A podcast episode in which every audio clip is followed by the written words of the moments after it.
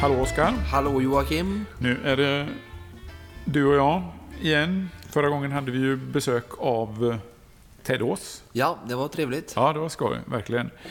Eh, och eh, du och jag är ju då Joakim Jardeby och Oskar Olsson. Eh, och idag har vi ett spännande ämne som heter högintensiv respektive lågintensiv träning. Det ska vi eh, gå in på lite närmare, men först våra sponsorer. O23 Konditionscenter, Bergatroll Media, Fredag Event och Kommunikation. Därmed var det avklarat. Bra, vi tackar dem så hemskt mycket. Yes.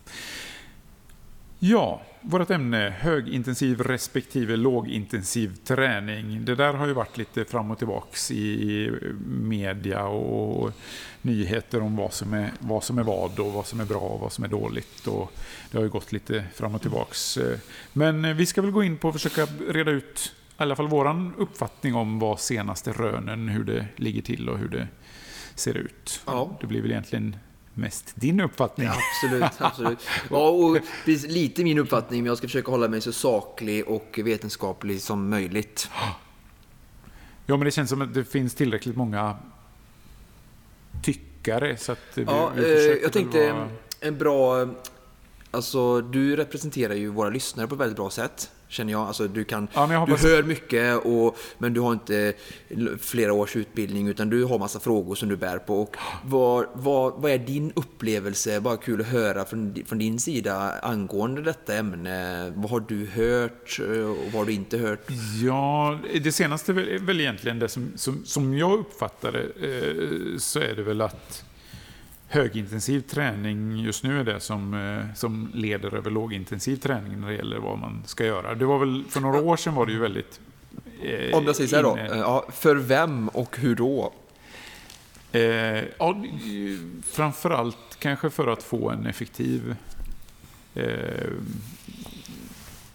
träning, eller få effekt på, på träningen och eh, kanske inte behöva lägga så vansinnigt mycket tid. Eller så. Ännu ett mi- mirakulöst eh, superrecept. Yes. Yes. I will love them. I, I love them. yeah. Tvåveckorsdieten. Yes. Toppform i- med hjälp av 8 gånger 4 minuter på 6 veckor. Ja, ja nej, men det är lite spännande det där som han den där engelsmannen som tokkörde. Det är väl väldigt extremt. Jag körde några sådana här vansinniga eh, tokintervaller på 20 sekunder bara eller något sånt där. Och fick, eh, men det var, handlar väl mer egentligen om någon slags välbefinnande eller eh, hur, hur kroppen motstod åldrande och lite sånt där. Men, eh, men, men det, alltså jag har en ganska flummig bild av det och eh, eh, det är väl det vi ska försöka gå in på nu och, Ja. och reda ut Mm. eh, lite grann. Och det, det som jag tänker mig också, det, det är ju det här med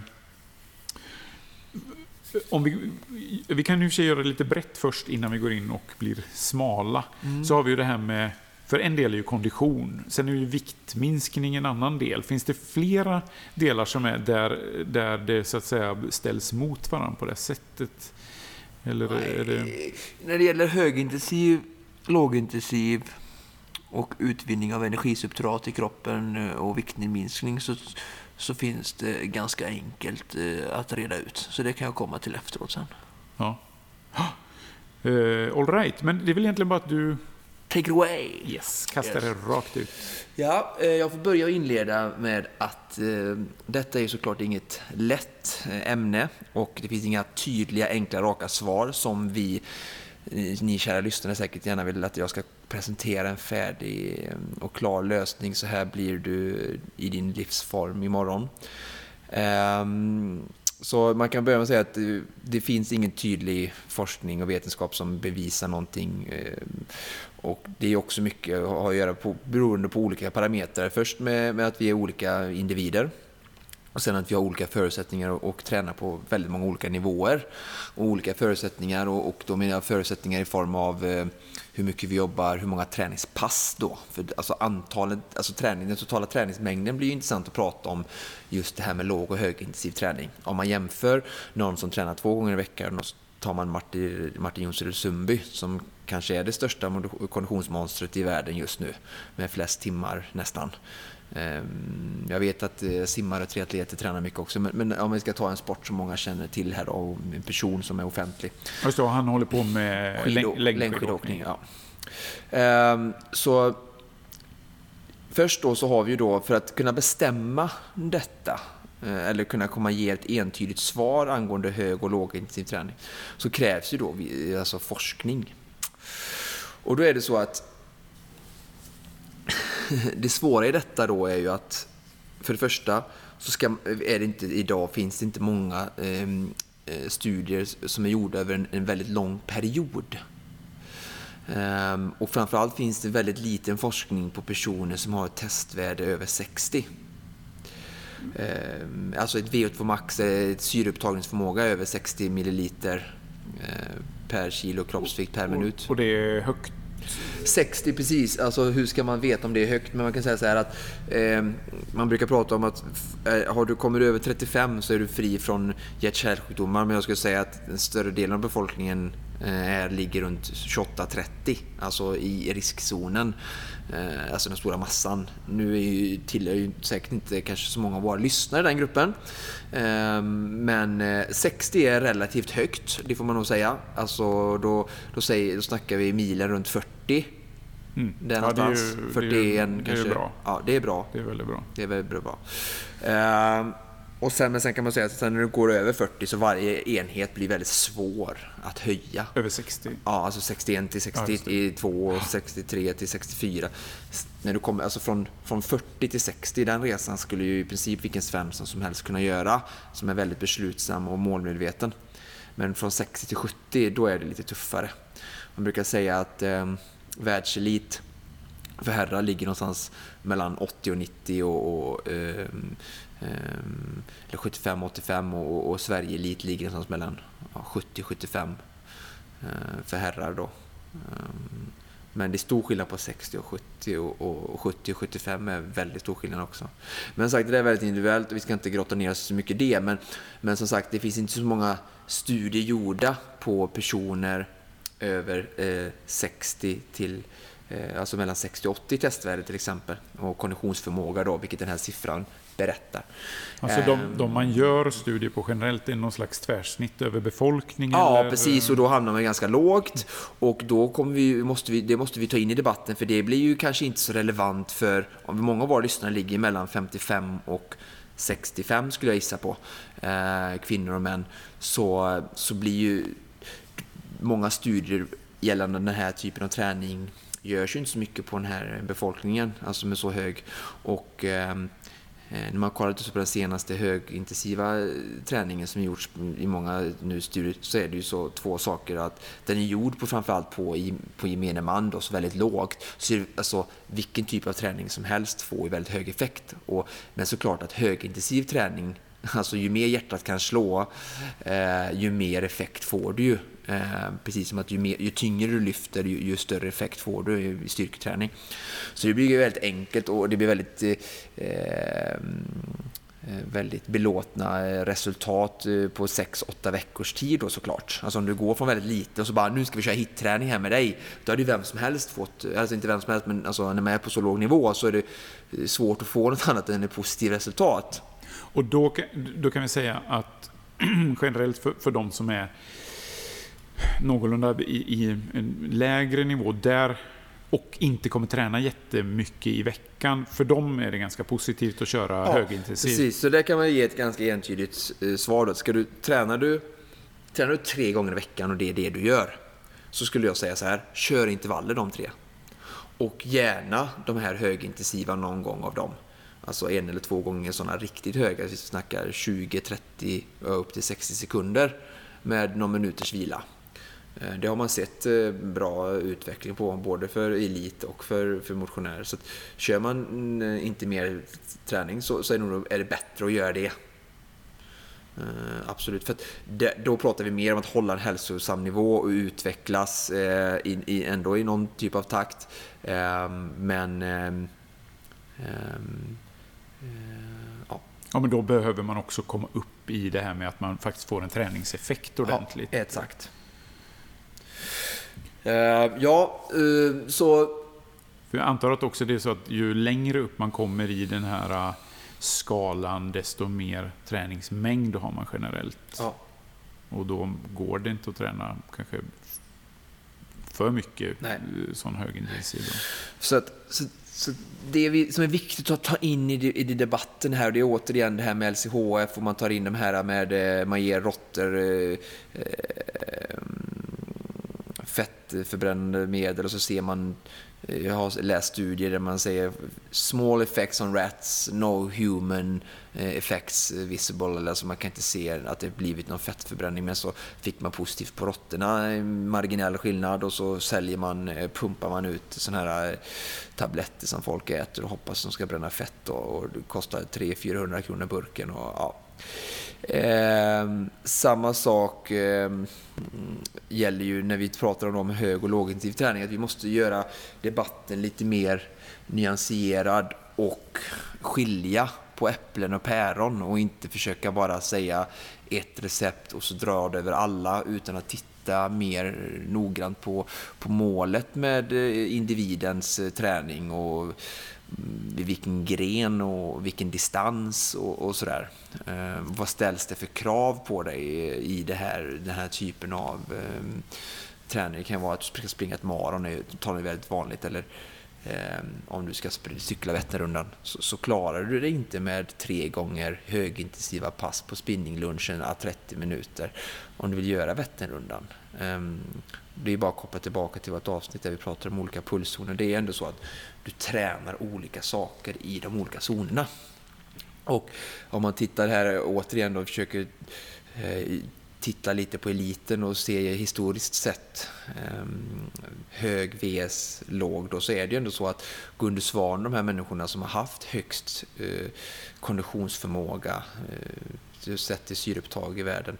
De har ju ändå, det har ju varit som så här, flest timmar vinner lite då va? och då är det ju så att då kan du bara träna 75, då tränar de 75 till 80 procent, det är lågintensiv träning. Sen kanske 10 procent är hög, riktigt högintensiv och 10 procent är medelhög, medel till högintensiv träning. Ehm, för att de, man kan inte absorbera mer och ska man träna så många timmar, vilket man har sett då att en hög träningsdos ger högt, eh, hög träningseffekt och eh, ökad konditionsförmåga då, som är det vi någonstans alla eftersträvar. Ehm, så att, och då är det så att då har vi ju, då har vi då, vi pratar om den här personen som tränar två till tre pass i veckan max. Och då säger jag, ja men kör intervaller i alla fall varje pass. Punkt. Och, för du har fyra dagar i veckan minst som, till återhämtning och då hinner kroppen återhämta. Och sen har vi de som tränar 1000 1200 timmar på andra änden. Och så försöker vi någonstans hitta någon slags universal lösning och så har vi allt gojs däremellan. Då förstår man lite hur komplext det blir. Eh, och, och, så, så, så svaret lämpar sig inte för en, en uh, löpsedel helt enkelt. Nej, det gör det verkligen inte och det finns inte ett rätt eller fel att säga så här, antingen lågt eller högt. Ehm, jag vill ju mer, alltså med de adepterna jag pratar om och som jag um, tycker är intressant är ju alltså att det här med periodisering tycker jag är viktigt. Uh, att ha olika block och dela upp året. Många börjar ju rivstart direkt. Nu är det nytt år, nu har jag haft, eh, jag är missnöjd med min situation så det är bara pang, pang, pang och så läser man löpsedel, hitsträning, har sett liksom, positiva effekter på blodfetter. Ja visst, det har det och det var snabb. Och, visst, men vi hade, vi gjorde studierna på sex veckor på tre, så här, på tio tjocka trötta soffliggare med klister i arslet som du pratade om. Och, och, och liksom så får de köra tre gånger eh, fyra minuter stenhårt liksom, Tabata-intervaller i sex veckor. Alltså, det är klart som tusen att de blir bättre och det blir en väldigt tacksam studie att prata om, eh, om, om utveckling då. Just det, och där, där pratar vi egentligen mer om eh, en slags ur folkhälsoaspekt än att göra resultat på tävlingar kanske. Ja. För det är ju egentligen, ja, det är klart de går väl ihop lite grann, men, men det är ändå två relativt eh, skilda saker. Ja. Det var intressant just det där med, med lågintensivt och sådär.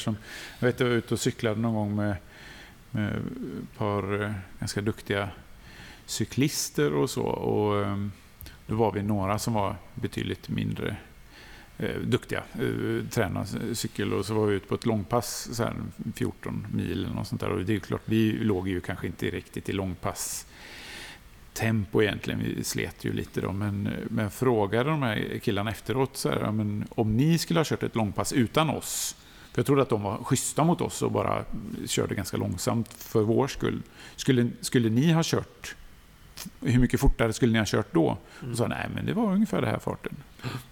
Så att de låg ju, de låg ju, de var ju inte ens, alltså för dem var det ju fanns ju ingen som helst eh, jobbigt överhuvudtaget i det här långpasset.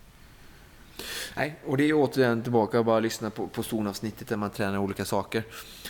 Eh, men, men återigen då, det man har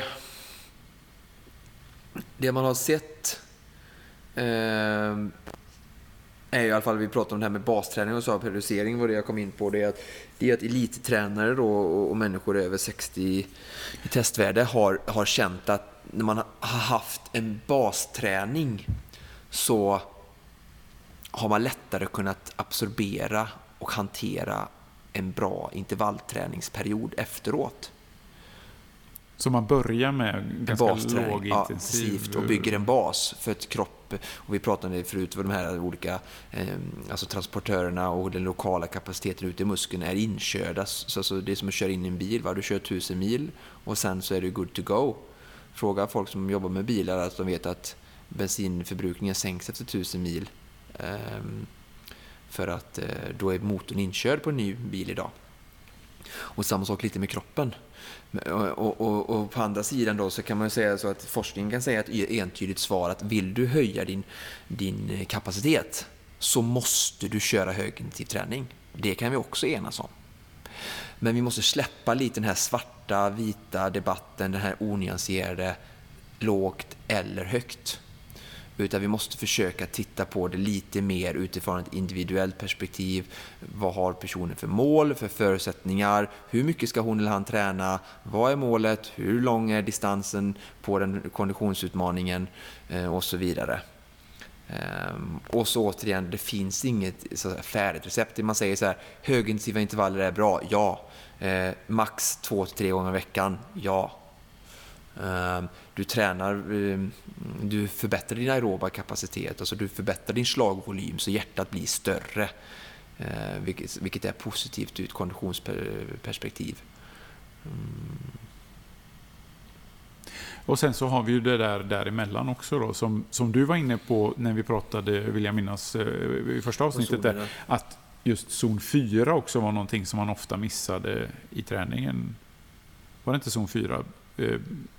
Det är att man hamnar ofta i lågintensiv eller hög. Ja, men... Precis, och det är också det då att då blir kroppen ganska dålig på att pacea sig i tävlingshastighet. Och det är också en, som jag sa då i det här avsnittet, att det jag tror att den glöms bort. Och det är också för att det är det här mischmaschet och i den här debatten om det är svart eller vitt. Och det är samma sak så här att det, det är LCHF, ja men det är kolhydrater eller fett. Men vänta lite nu, nej! Det är en bra mix av bra råvaror och eh, det är inte svart eller vitt att LCHF-arna ska bara köra fett. Och, alltså de som inte har LCHF, de tror att LCHF sitter, ja de som missuppfattat det, men de tror att de duktiga LCHF inbitna människorna sitter och doppar ägg i smörpaketet och alltså äter bacon doppat i majonnäs varje dag. Alltså nej, så är det inte. Utan det är också en svart eller vit bild. Och jag är så trött på när jag hör andra, jag har hört lite andra poddar man pratar och hackar ner på LCHF.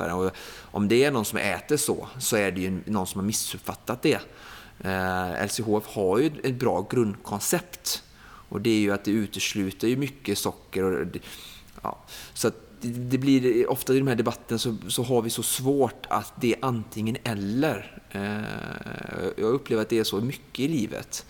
Eh, vi måste lära oss att vara lite mer nyanserade och lite mer ehm, ja, ehm, gråa, vad säger man? Gråa områden.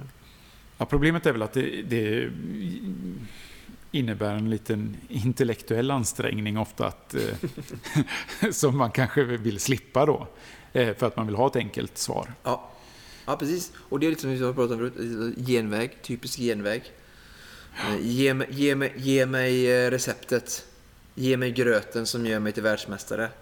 Ja, men det är inte så lätt i livet. Och det, jag menar om du går och lyssnar på någon sån här eh, som föreläser om ekonomi blir rikare. Det finns ju enligt mig massor sådana här bluffmakare som, som säljer föreläsningar och, och, och lösningar som ska göra dig miljonär. Men, men fråga vilken entreprenör som helst som är duktig och har slitit sig fram genom livet att det finns ingen färdig, det finns bra viktiga verktyg som vi kan leverera i den här podden också gällande träning. Men det finns inget färdigt koncept och en fast väg för alla att vandra och den är lika för alla. Och den är alltid spikrakt upp om du bara följer just denna vägen, receptet, träningsmodellen. Så vi måste sluta och, och se det så, så enkelt. Och sen någonting också som får bort den här att, i den här debatten. Där, Jaha, men låg eller högintensivt? Ja, vi, vi röstar på högintensivt och vi ligger i den falangen. Ja, men jag måste också lyssna på min kropp. Ehm, och utgå från min eh, nivå. Ehm, och sen så måste det vara roligt. Och så måste jag tänka så här, kan jag tänka, alltså jag måste hitta en tränings träningsintervaller och träningsform eller träningsupplägg eller träningsfilosofi som jag kan förlika mig under tio år. För, att för mig så är konditionsidrott och all typ av idrott vi gör ska ju vara långsiktig och rolig och sund för kroppen. Där vi har en, en progression och vi har en långsiktighet och vi har eh, alltså, en, en periodisering över året. Ehm, Och där har vi det typiska att eh, den bästa träningen är den som blir av. Ja, också. Halleluja. Verkligen så. Ehm, så är det. Så att, eh, ja. Mm, men eh, ja, så att eh, högintensiva intervaller är jättebra. Och sen också faktiskt har man sett att det finns många som har mm, man har sett, gjort studier på, på konditionsidrottare där man har lagt in högintensiva intervaller på långpass. Ehm, Och det är också någonting man, man, man kan man har sett man kan gynnas av som våra lyssnare kan ta med sig att eh, man kan lägga in kortare ruscher under långpassen för att få, få in den här träningen också då. Ehm, Och är det mest ur så att säga, effektivitetssynpunkt eller har det några specifika att, du tränar, att, orsaker? ja, att du tränar andra system än det du gör under distansträning då. För att det är någonstans så att vi behöver ju av i de båda av världar. Mm, och men jag tänker just att du gör dem i samma pass. Det är mestadels av effektivitetssynvinkel. ja, ja. Men det funkar bra helt Ja, enkelt. ja, ja. Ja. Eh, nej, men det, det som man kan säga det är väl också det där att det är... Det verkar inte vara någon större... Jag kikade lite grann så här, det verkar inte som det är någon större skillnad egentligen när det gäller skaderisker och sånt på hög eller lågintensiv. För högintensiv, det, där är det att du håller på relativt kort, så då har du en fördel där. Och lågintensiv då är istället att du inte belastar så hårt, så då har du en fördel där. Men att å andra sidan i lågintensiv så håller du på länge och då har du en nackdel. Och högintensiv så är det ju själva intensiteten då. Så att det verkar ju vara... Och sen är det ju så att det är också en annan sak, för vi, man pratar mycket om, om VO2 Max och, och, och där, som sagt, som jag sa till dig innan vi började spela in idag så, så finns det så mycket som jag skulle vilja prata om här. Men vi har någonting som heter Nick Max och det är ju eh, alltså ungefär så säga, 100% av VO2 Max och mycket man pratar om de här supramaximala intervallerna som vi med Tabata och det här och Eh, zon 6 med högintensiv träning så, mm, så är det bra att man brukar säga att man ska rekommendera att, att jobba mer ut efter arbetsbelastning, alltså en bestämd watt på cykel eller en en hastighet på löpning, än puls. Eh, för att det är alltid så som många kommer och frågar mig som jobbar med att det tar ju en stund för pulsen att, att, att anpassa sig och sådär. Speciellt under de här korta intervallerna. Så att när man ska göra, det är också något som har glömts i den här debatten. Alltså, jaha, men jag kör, nu är det någon som kör 8 gånger 20 sekunder Tabata eller 10 gånger 30 sekunder med si och så mycket vila. Eh, men vilken belastning ska jag ligga på? De kör ju bara med fingern i, i eh, slickat i luften och känner efter. Alltså, det kan vara bra att bestämma. Och då kommer vi in på det här med, med konditionstester och bestämma vad är min VO2 max i olika idrotter och sådär. Så att vi ska komma in på det sen i ett avsnitt där vi bjuder in, ehm, in en gäst och, och pratar om ehm, tester just då. Ehm, för, för att bestämma vad är, vad är min, alltså vad är 120% av VO2 max då? Alltså man pratar om supramaximala som 120-170% eller upp till 200%, alltså 250% eh, av VO2 max. Och, och, det är ju det är ganska intressant att, att veta vad, vad, den belastningen är då. Och att, att man jobbar ut efter den och försöker att sträva efter den belastningen då i intervallen. Så att du vet att jag inte håller på med någon tröskelträning fast i 20 sekunder.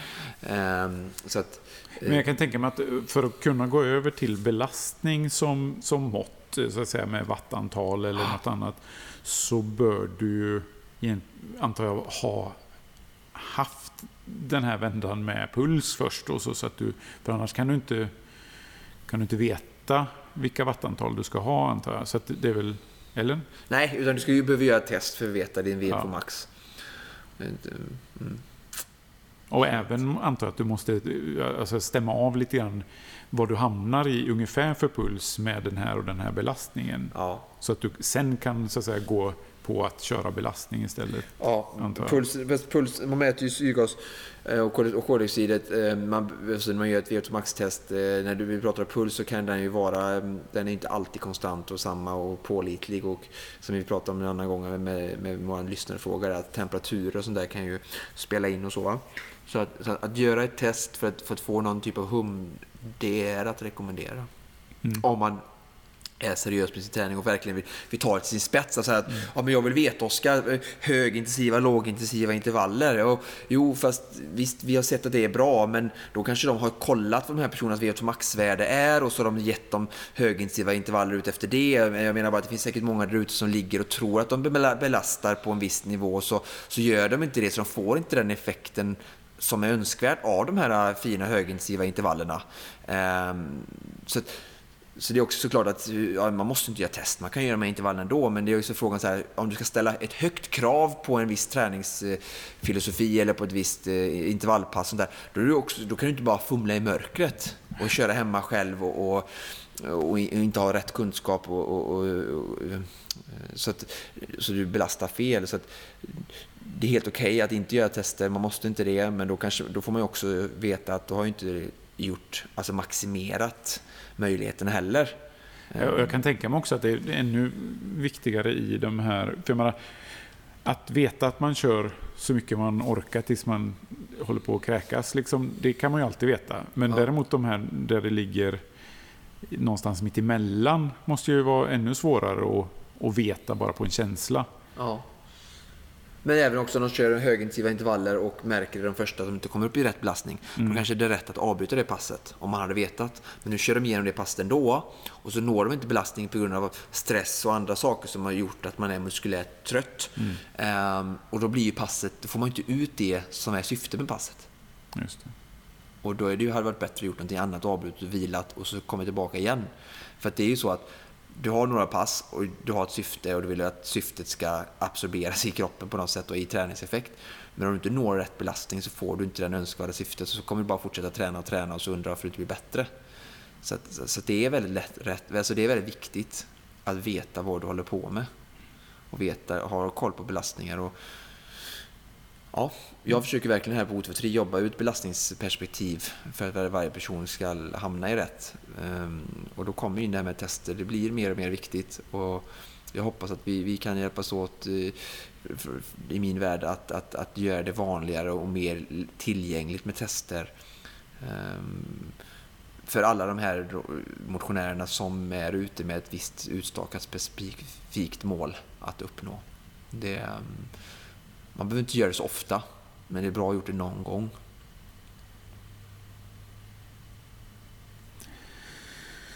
Uh, ja, uh, vad ska jag säga, har vi... Nu har vi uh, pratat eh, allmänt om högintensiv och lågintensiv. Vi har pratat eh, lite grann om elit kontra, kontra de som tränar kanske tre gånger i veckan. Eh, finns det några andra aspekter på det här med högintensiv och lågintensiv som man behöver ta med sig? Eller vill vi gå djupare ner i det så att säga för att ytterligare Ja, jag tycker jag har gett några eh, tankeställare till lyssnarna att börja med nu mm. och vi har skrapat lite på ytan och sagt att det finns inget... Det finns vissa tydliga saker som vi kan säga att högintensiv träning krävs med intervaller för att öka sin kapacitet. Och, men även uthållighetsträning krävs också om man har alltså den, om tävlingsmålet ställer de typer av krav på dig. Ehm, och att ska man bara ha, bibehålla en god hälsa så kan man köra tre gånger 20 minuter på en thorax-trainer till exempel, eh, tre gånger lunchen i veckan så, så, så, är du hemma och har den absolut bästa effekten på kort tid.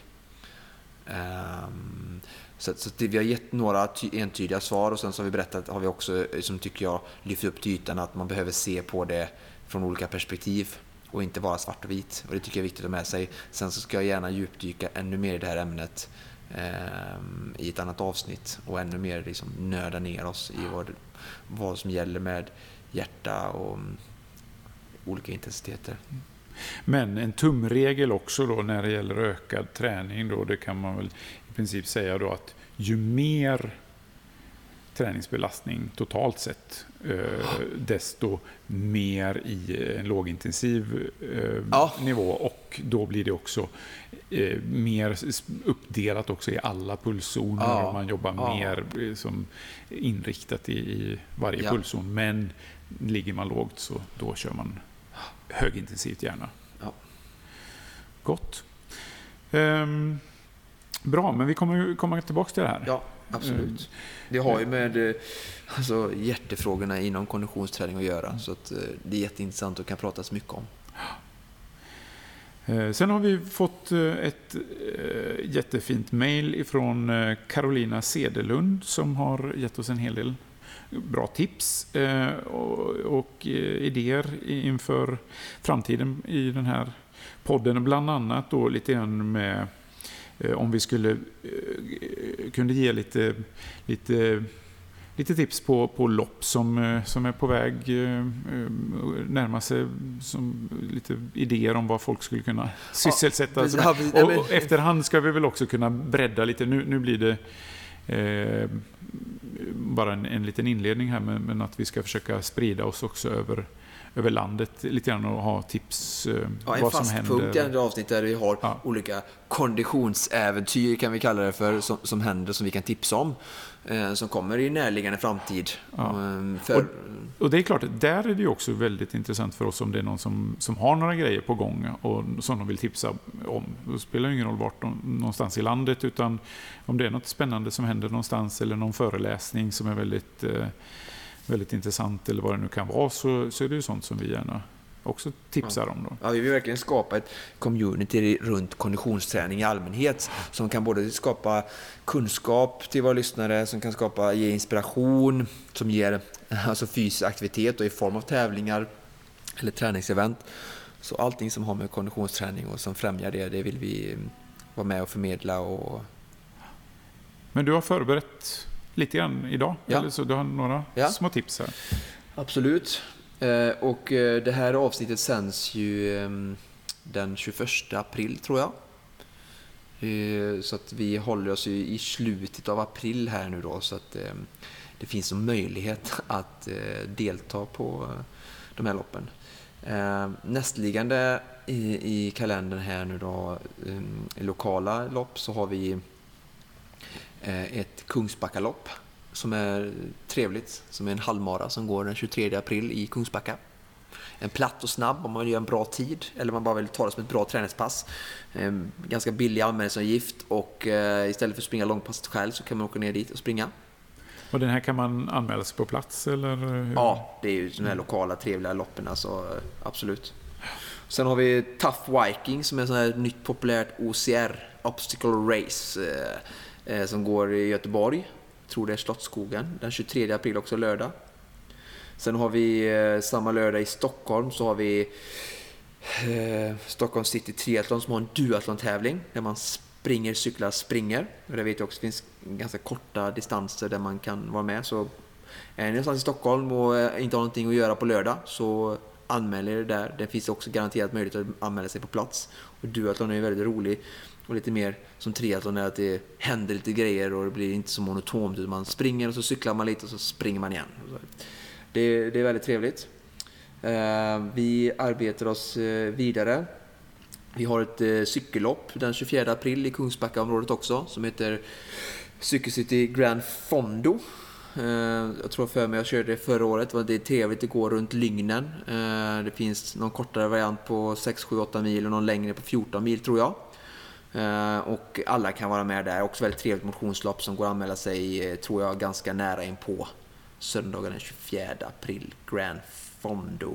Ni får väl spola tillbaka i det här avsnittet ifall det är så att ni inte minns vad jag säger. ehm, och så lyssna på var loppet eh, befann sig. Sen har vi Salomon City Trail den 24 april i Stockholm. Också ett trevligt lopp som jag har sprungit. Eh, Solomon City Trail i Stockholm. Eh, vidare så finns det ett, eh, lite längre fram nästa helg då, så har lite mer tid till planering, så har vi Dalsland X-Country. Eh, det är ett eh, mountainbike-lopp som är, som är ganska nytt, eh, som jag tror på. Eh, som också är eh, ett sånt gräsrotslopp där jag också är helt övertygad om att det går bra med en sen anmälning. Eh, så åk upp till Dalsland och det, det är väldigt fina vyer där. Det var en trevlig sjö, lite eh, toppar och dalar. Eh, jag var där och sprang ett lopp där, Dalsland X-Trail, som jag råkade vinna. Och ehm, det är väldigt bra tävlingsledning och bra arrangemang så det, det ska jag absolut slå ett slag för. Sen har vi Laxaloppet nere i Halland ehm, som är en snabb 10 bana. Den ehm, 30 april går alltså Laxaloppet, 5 och 10 km. Går också säkert att anmäla sig sent. Eh, så vill du ha en snabb tid där på 5 eller 10 km kan man åka dit. Sen har vi det mycket trevliga Näsetloppet här i Göteborg. Jag tror det är en lite retig distans, 10,6 km, men den går ut eh, runt hela Näset längs med havet. Så jättetrevlig aktivitet för hela familjen att åka ut på. Också garanterat möjligheter till att anmäla sig på, på lopp. Men eh, lite halvkuperad så det kanske man inte ska slå något pers. Men eh, ett bra fartpass. Få in lite tävling i träningen är ju inte tråkigt. Um, så ta med familjen och, och, och spring runt och jogga där och, och gör det som en, en trevlig helgutflykt. Det är alltså Näsetloppet lördagen den 30 april. Vad, vad brukar sådana här eh, mer lokala lopp kosta? och så där? Finns det, Är det väldigt stor spridning? Ja, jag skulle gissa mellan 2, 3, 4, 500 där någonstans va? Det är så. Man brukar få någon sån här goodiebag ibland och lite energi kanske efteråt och så. Uh, sen är det, ju, det är ju ganska roligt tycker jag att gynna sådana här lokala aktörer som kämpar för att det ska finnas konditionsäventyr för oss ute i, i vårt avlånga land. Uh, det, det, är väl fint att de jobbar. Jag kan säga att de tar inte ut några hutlösa löner och, och tjänar massa pengar, så att, eller gömmer pengar i skattparadis. så att uh, skit vad det kostar. hälsan är, kan man lägga hur mycket pengar på som helst mm. anser jag. Så att, åk dit och ha roligt. Så länge det är en tävling som du gillar, mm. så, så, kör på. Ja, du får inte ta något sms-lån här nu, va? men, eh, men försök att prioritera och, och göra lite sådana här träning. Det, det förgyller livet. Du hörde Ted som var här förra avsnittet, han berättade att han har gjort 350 triathlon-tävlingar och säkert 700 andra tävlingar. och ja, fått se många trevliga platser och upplevelser. Så att, eh... ja, det är alltid kul att få en, en nummerlapp på, på bröstet och, och lite publik. Det, det förgyller ju vilken dag som helst. Eller hur? Eh, sen eh, har vi också den 30 april eh, Lerumsloppet. Också om man vill göra en, eh, en snabb mil, 10 km i Lerum den 30 april. Kika in där också. Ja, men där fick vi väl eh, med några lopp, va? Ja, det känns ju väldigt eh, Och spola tillbaka om det var så oklart. Och som sagt, eh, kom gärna med, med tips om sådant. Ehm, ja, vi fick också... Caroline... Gärna via vår Facebook-sida. Ja, precis. Facebook-sidan är ju Konditionspodden och det är bara att söka på Facebook på Konditionspodden så, så kommer den upp. Vi har också en mail som är konditionspodden gmail.com. Eh, där tar vi också gärna emot tips. Och eh, Carolina ehm, som tipsade om detta frågade även lite grann om oss, dig och mig. Ehm, och eh, vilka är de här människorna? och det är ju faktiskt någonting som vi, vi kan ta med oss och prata lite grann om. Det är alltid svårt att prata om sig själv, men vi ska göra vårt bästa. Nästa avsnitt. tänker Jag pratar om dig så pratar du om mig. Det är en bra idé. Det kan vi göra. Presentera varandra helt enkelt. Det blir bra. Och vad är då nästa avsnitt? Jo, det ska jag berätta. Det är eh, inför cykelsäsongen. Ja. Lite allmänna tips om eh, allt ifrån utrustning till vad att tänka på, vad man ska ha med sig på långpass eller vad man, hur man, eh, ja, vätska, energi, kläder, trafik, säkerhet, ja, vad, vad som, lite allmän genomgång, fräscha upp inför den nya cykelsäsongen som ju Ja. är igång. Men det viktigaste, kom ut och cykla. Ja. Njut av solen, fyll er med D-vitamin och se det svenska landskapet. Det måste ändå vara det stora budskapet. ja, och ta med oss i lurarna. Eller hur? Precis. Det blir bra. Eh, ja, och kom, kom som sagt, vi har redan sagt det där om eh, synpunkter och allting, men det är ju så viktigt. Hör av er på vilket sätt ni får lust med eh, och ge oss feedback. Med det så får vi bara tacka för idag. Ja. Och tack för att ni lyssnade. Tack så mycket för detta. Ha det gott. Hej.